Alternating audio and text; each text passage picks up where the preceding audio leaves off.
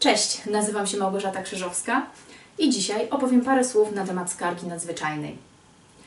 Skarga nadzwyczajna weszła do porządku prawnego 3 kwietnia tego roku, czyli 2018 yy, i już, yy, a już po kilku miesiącach okazało się, że wpłynęło około 1700 próśb o wniesienie skargi nadzwyczajnej.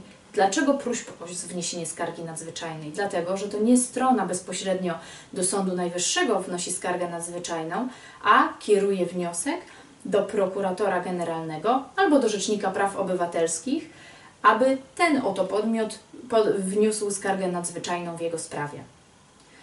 Kiedy skarga nadzwyczajna może być w ogóle wniesiona? Przysługuje ona od y, prawomocnego orzeczenia, a więc w sytuacji, kiedy występowaliśmy jako strona w postępowaniu karnym albo w postępowaniu cywilnym, nie natomiast w postępowaniu w sprawach o wykroczenia, od y, tych wyroków skarga nadzwyczajna nie przysługuje, w takiej sytuacji istnieje możliwość wniesienia y, prośby o skargę nadzwyczajną.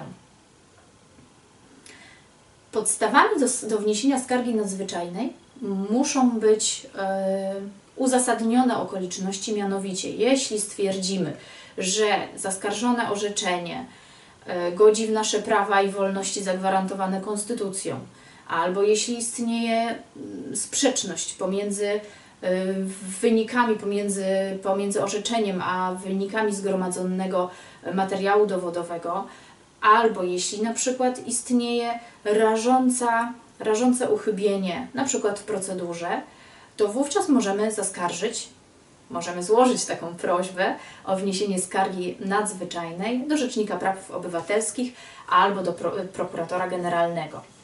I co ważne, co dzieje się dalej?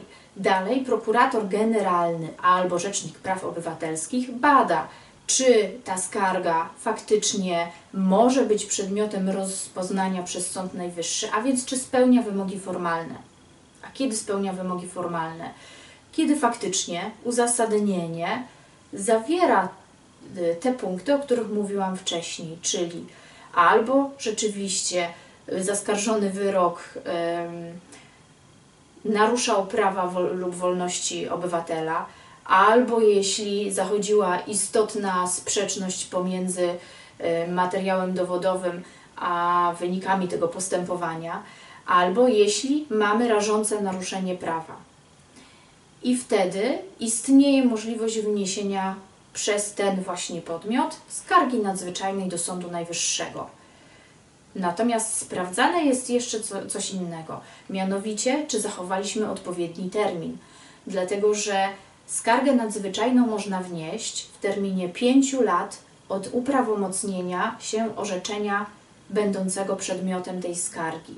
Czyli jeśli minęło już 5 lat, to niestety y, termin, mm, termin został niezachowany i taka, taki wniosek, takie podanie najprawdopodobniej pozostawi się bez y, rozpoznania.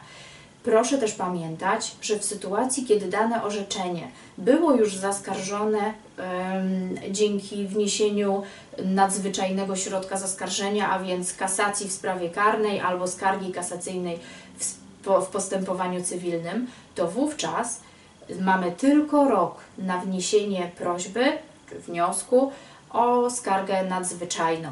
Tylko rok od rozpoznania przez Sąd Najwyższy tej sprawy. Pojawiają się również takie pytania, czy na przykład y, skarga nadzwyczajna należy do tych środków, y, które y, stanowią, o których mówi się w sytuacji, kiedy chcemy zaskarżyć już poza krajowy porządek, czyli na przykład do Trybunału Sprawiedliwości, do Trybunału Praw Człowieka i Obywatela. Skarga nadzwyczajna jest dodatkowym środkiem i nie trzeba wyczerpywać tej drogi, aby zaskarżyć orzeczenie poza e, Polskę do Sądu Europejskiego.